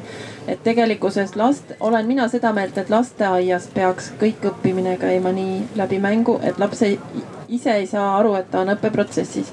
see peaks tulema loomulikult mängides ja ma esindan siin natuke Põhjamaade, ma olin Põhjamaa produkt Põhjamaade näidet, et nendel on ju tehtud, nagu te teate, nad lähevad varem kooli ja on tehtud arhitektuurilised muudatused ehk huvikeskused paiknevad alushariduse lähedal ühel territooriumil, nii et lapsevanem võib tõesti vurada autoga ette kella viiest, võtta oma rõõmsa lapse, kes on mitu korda söönud, oma huviringid juba läbinud, aga alusharidus ja huviharidus on eraldatud küll aga sama territooriumi peal. mingil kellaajal viiakse need lapsed lihtsalt teise asutusse sama territooriumi peal aga võib-olla, kui te juba siin sõna võtsite, et äh, teil on see Põhjamaade kogemus, et äh, mis seal siis on teisiti kui siin või et võib-olla tuleviku mõttes midagi üle võtta sealt? lihtsalt rääkisime, et arhitektuuriliselt midagi ei muutu, aga koolides on meil sama probleem, ma olen ka kooliõpetaja. et väga tihti see kooliväline töö survestab noh näiteks erialaõpetajaid või me räägime koorilaulust või räägime laulu-tantsupeostki nähtavasti. et küsimus, palju neid muusikaõpetust näiteks panna, et, et huviharidus ja üldharidus peaks olema ka arhitektuuriliselt iseseisvunud. meil kahjuks seda veel ei ole, nii et võib-olla siiski natuke ümber vaja ehitada ka materiaaltehnilist baasi minul on ka Rootsi kogemus eh, selles mõttes, et me oleme, käisime ühte lasteaeda vaatamas ja mis minule seal silma jäi, oli see, et kui meil on väga, väga ägedad majad, väga ilusad, me hästi palju panustame keskkonda, teeme maju ilusaks, meil on hästi palju mänguasju, siis seal olid lihtsad majad, lihtsad ruumid, lapsed magasid mattidel põrandal. aga tähtis oli laps, iga laps, iga laps oli toetatud, lapsi, laste ja täiskasvanute suhtarv oli, oli hoopis teine kui meil, lapsi oli vähem täiskasvanute kohta. ja, ja seal oli ka väga palju võõrkeelseid lapsi, et, et igal lapsel oli siis oma tugi, tugiisik või, või, või täiskasvanu, kellega, kes temaga individuaalset tööd tegi, et et kui meie panustame hästi palju ikkagi sellesse välisesse keskkonda ja, ja, ja majadesse, ütleme nii-öelda betooni, siis seal panustatakse inimesesse. Mm.. jah, lapsevanema poolt võtan ka korra sõna. Ja kuna on vähemalt minister, minister juba kohal siin ja võiks muidugi omavalitsuse esindajad ka olla, aga, aga ma tahaks tegelikult, mis ma tahtsin ka öelda, varem oli enam-vähem see eelmise sõnavõtuga öeldud, et mis see lapsevanemate ootus on, et eh, ma olen isegi juhuslikult ka hoolekogus, et, et võib-olla natuke laiemalt, et ma tegelikult lapsevanemad ei oota niivõrd neid uhkemaid maju või rohkem huviringe või põhjalikumat haridust või, või midagi sellist, et kui, kui on koht, kuhu oleks vaja rohkem investeerida, siis on see, et rühmad oleksid väiksemad et oleks rühmas rohkem inimesi tööl, õpetajaid ja et igasugused tugiteenused, need logopeed või mingi muu oleks paremini kätte saada. see on tegelikult see, mida lapsevanemad ootavad, mitte see, et igasuguseid vidinaid, uhkusi ja lisateenuseid ja kõike seda, et see on see kõige suurem murekoht tegelikult. kas te olete kõik nõus? just, just nõus küll, aga ma tahtsin korra selle eelmise teema juurde lisada, mis on, puudutab õppekava. Et äh, siin ma kahjuks pean, Maie, sinu roosad prillid eest ära võtma. et äh, aastast kaks tuhat kaheksa on meil väga vaba õppekava, mis tõepoolest, nii nagu sa ütlesid, võimaldab ähm, juhtkondadel, lasteaedadel minna oma teed, aga tegelikkus on natukene teine ja seda ei tehta, isegi ma näen läbi koolituste rohkem, kuidas õpetajad alt üles on jõudnud selleni, et nad võiks ähm, teha muutuseid, nende mõtlemine on muutunud äh, aga juhtkonnad ei tule kaasa, sest ei teata või ei julgeta, et tegelikkuses ongi nagu ikkagi see õppekava muutunud. aga siis on ju ikka tegemist ju mõtteviisi kinniolekuga, et tegelikult ja. ju iseenesest õppekava lubab olla ju paindlik õppekava lubab, aga millegipärast ei ole, nii et nüüd olekski tore, kui ähm, minister ise ütleks oma suu läbi, et jah, see on nii, kõik direktorid, et meie õppekava on vaba. Ja muuseas see õppekava läheb veel vabamaks. ma olen ise õppekava muudatuse tegemise grupis praegu, nii et võib-olla ainukene üks väikene ähm, selline ähm, asi või okas jäi minu hinge, et sai teha väga palju muutuseid veel, et muutuks olukord paremaks, aga, aga tuleviku lasteaias võib-olla ma näen, et see väljundipõhine õppekava muutub veel ka selliseks kogemuspõhiseks õppekavaks, et siis oleks mina oma, oma mm, missiooni võib-olla siin, siin äh, alusharidusmaastikul täitnud, aga see õppekava on praegu ka väga-väga vaba, nii et kõik direktorid, kõik kes iganes kunagi kusagil kuulavad, et, et palun lugege seda nii ja saage aru, et äh, me oleme vabad minema uuenduste teed nii et uuendused põhimõtteliselt on ukse taga, me pole lihtsalt seda ust avanud. aga, aga võtaks ühe sellise teema veel ette enne seda lõppu, mis meil ka terendab kahjuks silmapiiril, et, et mida te välistaksite tuleviku lasteaias me oleme neid teemasid siin põgusalt puudutanud ka, aga võib-olla saab öelda suht konkreetselt, et mida tuleviku lasteaias kindlasti ei ole, mida me ei taha seal näha nii, kes, kes soovis sõna? mulle see kommentaar sobis väga, väga hästi, mida ma ei tahaks näha. et ma ise olen lapsevanem ja värske direktriss, lasteaed ja kool ja mina ei taha näha ühtegi tublit last. mul on täiesti kõrini sellest, kuidas mu enda laps ka pisikene, et ta muretseb asjade üle, et kas ta on lii-, kas ta teeb lärmi joosta ei tohi, ennast määrida ei tohi, peab kuulama vaikselt, vabandab ette ja taha asjade pärast. et nagu kuidagi, et nagu Eesti ühiskond, et võiks olla rohkem muda ja rohkem lärmi ja rohkem sellist nagu kaost väga vahva kommentaar. päris mina, ausalt võiks olla. mina tahaks kommenteerida seda, millest ma olen ka kirjutanud, et, et see steriilsus meie lasteaiast võiks tõesti kaduda. aga meil on kahjuks mõned instantsid, kes meil käivad ja näpuga tolmu võtavad. et, et, et see on ka riigi poolt võib-olla võimalik reguleerida, et, et lasteaed ei ole selline asutus, kus peab olema tohutu steriilsus, sest me mängime seal liivaga, me käime õues lapsed liiguvad, tolmu tuleb, voodiriietest tuleb tolmu, me ei saa olla täiesti tolmuvabad, me ei saa olla täiesti steriilsed, nii nagu tervisekaitse nõuab tihtilugu, aitäh. no isegi vaimselt ka, mitte nagu ja vaimselt ka ja mitte ka vaimselt liiga steriilselt. ei, ma saan aru, et tegelikult käid lasteaedades ringi, siis sa näed väga tihti neid sarnaseid reegleid, et toas ma kõnnin ja siis, et räägi vait. kelle jaoks need reeglid siis on, et tegelikult mõnes mõttes nad on ju õiged või nad on ikkagi kasuks täiskasvanule, et täiskasvanul on lihtsam? no see on õpetajate kõrval, pigem on nad tihtipeale õpetajakesksed ja samas ka väga hirmukesksed, et tõesti põrand võib libe olla ja kui ta jookseb, siis ta siis ta võib kelle kuskile vastu põrgata ja siis sa pead aru andma, aga no tegelikult sa pead ikkagi mõtlema seda, et ta on laps ja ta peab saama liikuda, et kui ta ei tohi toas joosta, siis tekita see olukord kuskil sellises, kus ta saab liikuda, et see jõuamegi selle lapsest lähtuva mõtteviisi juurde. Et need reeglid on tegelikult väga õpetajakesksed, et ma, minu kõrvad kannatavad, ma tahan veel kakskümmend aastat töötada, ei taha kurdina lõpetada. see on nagu üks kommentaar ja aga tegelikult eh, ma olen töötanud kaksteist aastat eralasteaias Naba, kus oli selline põhimõte, et kõik meie otsused lähtuvad lapsest. ja see pani mind nagu mõtlema nagu ka varem, et, et sa mõtled seda, et kas minul oleks hea või tegelikult, et meil kõigil oleks hea samas sa pead mõtlema ka, et noh, kuskil tuleb see lärma, lärmi, lärmakuse piir ka, sest et osad lapsed kannat-, kannatavad lärmi käes, aga tuleb leida see koht, kus ta saab ennast välja elada, kus ta saab lärmata kasvõi siis kuskile eraldi minna, kus ta saab olla selline nagu vaba. Ja samas, kus ta saab joosta, et need sellised ranged reeglid ja piirid tegelikult tuleks üle vaadata, et, et mida nad toetavad, kas nad toetavad siis seda õpetajal oleks parem või kõikidel lastel oleks parem või siis ja muidugi on need turvalisuse reeglid, mis peavad jääma, aga peab läbi mõtlema, kus on see turvalisus ja kus on need suured hirmud, mis tegelikult on inimestes, aga seal taga üks tahate, tahate veel kommenteerida? nii, mikrofon tuleb kohe lihtsalt väike märkus, et see müratase, et see ei ole, ma arvan, et see ei ole ainult õpetajast lähtuv, et see tegelikult on nagu õpetajate, laste vaimse tervisele ka kasulik, kui ei ole pidevat lärmi. ja et noh, seda rohkem kaost, et, et see kaos on selles mõttes hea, et, et lapsed ei pea ainult nööri mööda käima. aga samas ka sellised kindlad reeglid ja kindel rütm, see aitab ka jälle lastel sellist võib-olla meelerahu säilitada ja sellist nagu vaimset tasakaalu võib-olla paremini hoida, et võib-olla just on see selline, kuhu poole liikuda, et see laste vaimne tasakaal oleks paigas, aga samas, et nad oleks kammitsetud. mina tahaksin Aitäh. siia juurde, et äh, võib-olla siis äh, täiendada seda mõtet, et kui lastele on pakutud päev täis tegevusi, siis lapsed ei karju ega kisa.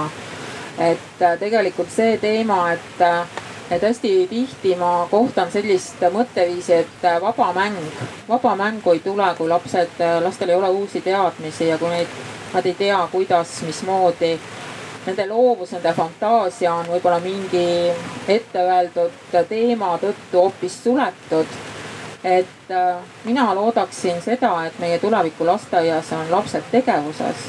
Nad on äh, haaratud mingi toredate küsimuste, vastuste otsimisel neil on endal hästi palju küsimusi, neil on endal hästi palju mõtteid, nende loovus on avatud.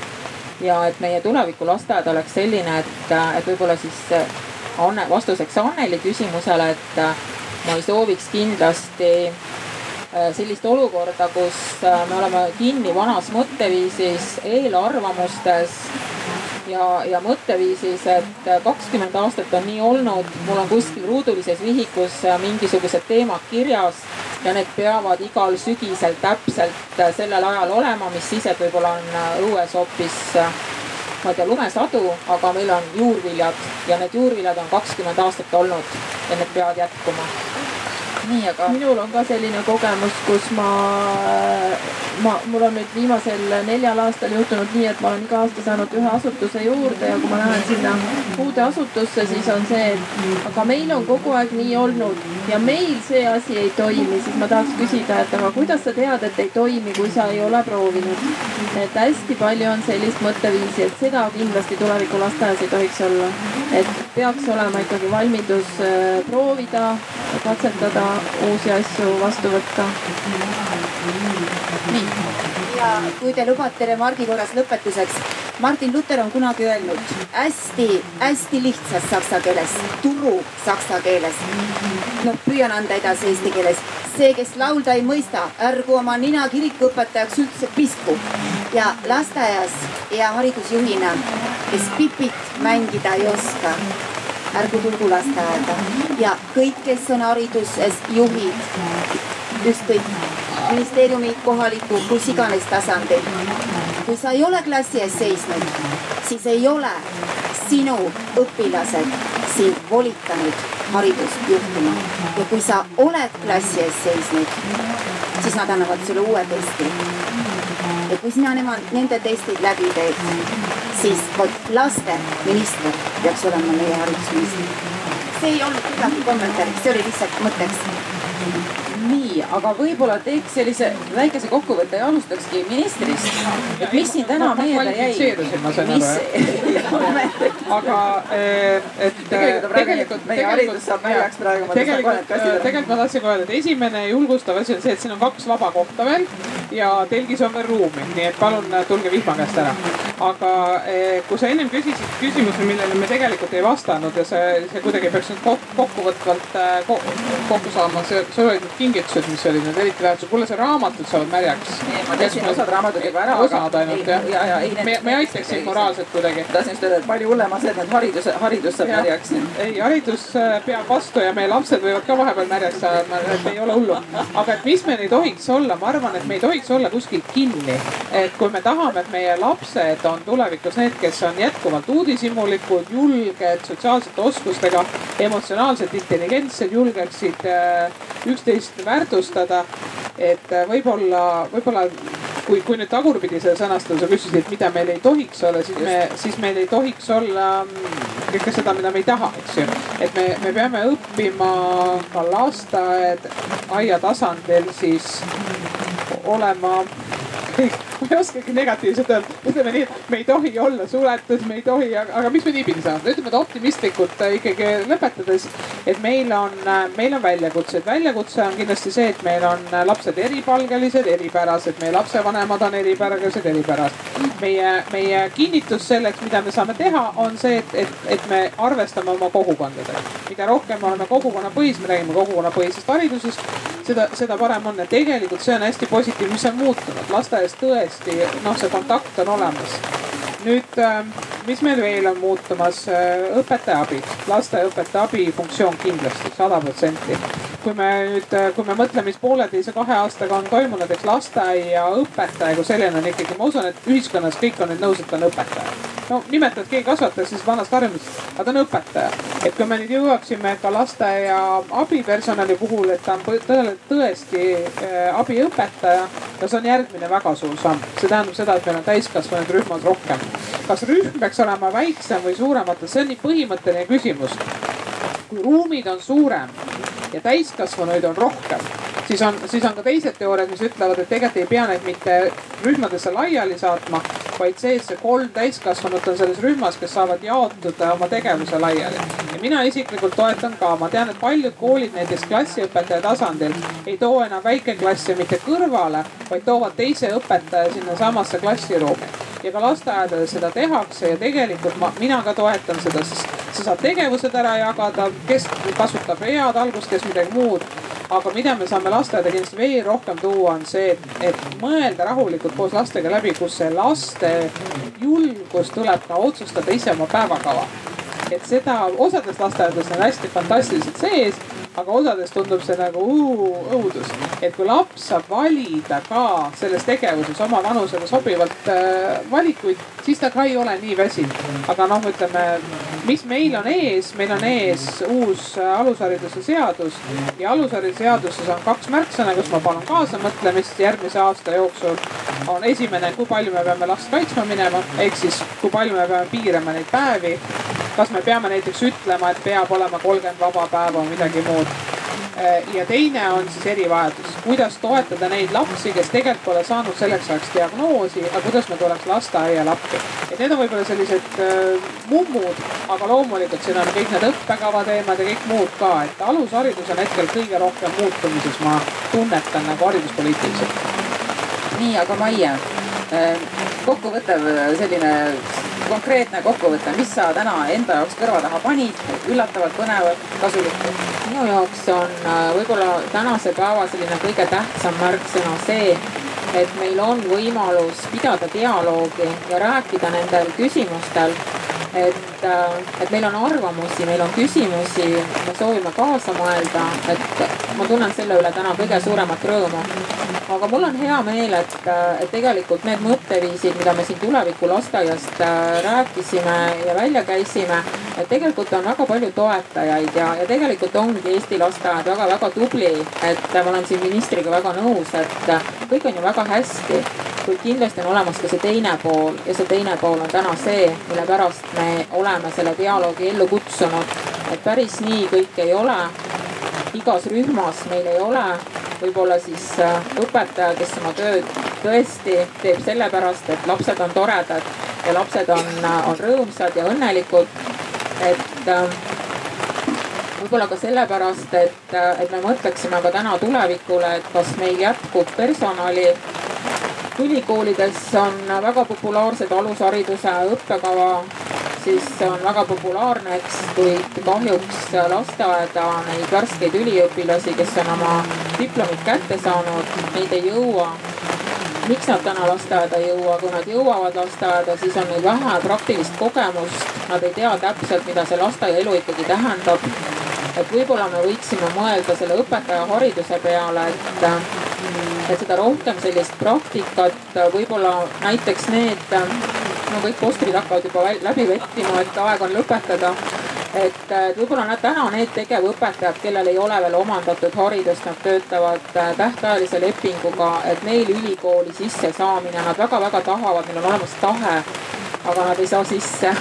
Nende võib-olla nende inglise keele oskus ei ole nii kõrgel tasemel, nagu ülikool ootab. aga võib-olla nad võiksid saada lisapunkte selle eest, et neil on olemas kogemus. Aga väga, väga tore. ja armastus laste vastu, nii mina tahaksin lõpetada ühe sellise toreda näitega, et äh, hiljuti paar päeva tagasi sattusin vaatama ühte kodutunde saadet, kes teab, siis nüüd suvel korratakse vanu osi. ja seal üks ema, kellel oli erivajadusega laps, oli äh, pidanud äh, rahalistel põhjustel minema lasteaiast töölt ära kuskile puidutööstusesse, et saada rohkem palka ja kui ta sellest rääkis, siis ta hakkas nutma, sest ta ütles, et ta tahaks töötada lasteaias, aga ta ei saa. et niikaua, kui meil on selliseid, äh, kes on südamega tegelikult äh, oma töö juures, äh, nii kaua on kõik hästi. et selles mõttes ma julgustaksin ka inimesi mõtlema, mida, mida me tegelikult tahame. kas ma tahan tegelikult siin töötada kui ma ei taha siin töötada, siis leia see, kus sa tahad töötada, sa ei pea töötama. aga loomulikult meil on äh, heade inimeste puudus ja, ja, ja, ja mina olen nagu ka olnud seda meelt, et kui sellel inimesel ei ole pedagoogilist kõrgharidust, aga ma näen, et tal silm särab ja ta, ta on äh, kogu hingega asja juures, siis ma teen talle kõik võimalikuks, et ta saaks töötada ja saaks õppima minna. et äh, aga suur tänu kõigile, kes te tulite ja, ja, ja meie arutelust aktiivselt osa võtsite ja aitäh ka ministrile. et äh, mina mõtlen ka seda, et kõik need täiskasvanud, kes lapsed, last ümbritsevad, et, et äh, nad jätkuvalt äh, ei unustaks ära oma lapsepõlve. et nad mõtleksid, mida tahtsid nemad oma lapsepõlves teha või, või mis oli siis tore ja lõbus ja kuidas nemad õppisid. et äh, nad ei muutuks väga tõsiseks ja, ja, ja niisuguseks väga täiskasvanulikuks. ja teine asi on ka see, et kui me räägime sellest äh, lapsest lähtumisest, et mis see siis tegelikult on ja me tahame nii hirmsasti, et kõik teised oleksid lapsest lähtuvad, et minu õpetajad oleks lapsest lähtuvad ja lapsevanemad ja veel kõik oleksid lapsest lähtuvad. et siis võib-olla esimene asi oleks kõigepealt vaadata iseenda sisse, et, et aga mis see minu jaoks tähendab ja kui palju olen valmis mina isiklikult muutuma. ja, ja siis mõista, kui suur see muutus tegelikult teistes on. aitäh aitäh. me oleme praegu rääkinud siin väga palju õpetajatest, oleme rääkinud hariduse juhtimisest äh,.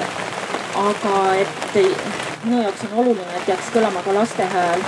Nii et tõepoolest see mõte mind väga kõnetas, et äh, millal me jõuame selleni, et äh, lapsed ise ka saavad äh, kasutada oma mõtlemis- ja õppimisvabadust, et ma näen, et meie roll õpetajana on äh, tulevikus kindlasti luua selline kogukond, kus laps saab olla inimene, kus ta saab rakendada oma mõtlemisvabadust. et me sageli arvame, et lapsed tahavad olla hirmsasti hoitud, aga tegelikkus, mis nad tahavad, on risk, see on päris elu, see on elada päriselt siin ja praegu. nii et äh, nad tahavad õppida ja nad teavad väga hästi, mida tähendab õppimine. ma lihtsalt lõpetuseks, et jääks lapsesõna kõlama. Äh, üks väga tore poiss, Lennart minu rühmast, kui me olime arutanud sellest, mis on õppimine ja kuidas võiks üldse õppida, siis tema rääkis umbes nii, täpselt ma tsiteerida ei suuda, aga kuidagi umbes nii et äh, vaadake, õppimine, see on nagu arenemine. et äh, vaata, Jana, sa saad ju aru küll, et ahvid ka arenesid inimeseks. et äh, nad tegid seda täiesti ise, ma ei saa kogu aeg teha seda, mida ema mulle ütleb, tee seda, tee teist no,, nagu lapsed äh, kenasti emotsionaalselt räägivad.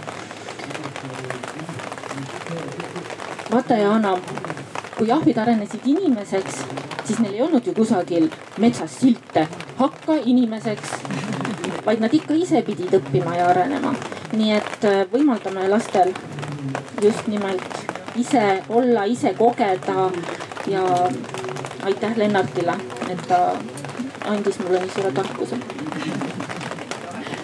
Nonii, Anneli, sinult ka mõned tähelepanekud tänase kohta minu meelest on nagu väga tore, et, et siin Arvamusfestivalil sai kõlada lasteaednike hääl ja et Eesti Lasteaednike Liiduse logo on ka, et väärtustades Eesti lasteaiaõpetajad, et et olgem siiski uhked oma ameti üle, et see ühiskonnas nüüd vist juba julgeme välja öelda, et kellena me töötame, kui kuskil võõras seltskonnas oleme, aga üldiselt see on natukene, see kuvand vajab tegelikult äh, paranemist.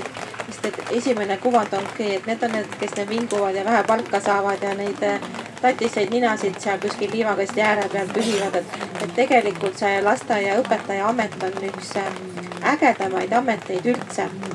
Ja et see on nagu meie kõigi õpetajate roll seda kuvandit äh, parandada ja öelda, et me ei, ei ole ainult tõesti sellised äh, laste hoidjad, vaid et tegelikult see töö, mis me lasteaedades teeme, on niivõrd oluline selle väikese inimese jaoks ja selle pere jaoks ja et väärtustagem ennast ja oma tööd. aitäh mina tahaks ka öelda, et kas te või, või veel testida seda ei ja jah, et kas te olete kõik nõus, et äh, lasteaiaõpetaja töö on kõige vastutusrikkam töö üldse maailmas? nii, hoidke, ma teen pilti ka see, see ei eelda midagi muidugi. nii ja pärast ega keegi ei kuule ju, mida ma küsisin, aga palun korda küsimust, kas lasteaiaõpetaja kas lasteaiaõpetaja töö on kõige vastutusrikkam töö maailmas? super, Luks ma arvan, et see on kõige ilusam pilt üldse festivalis.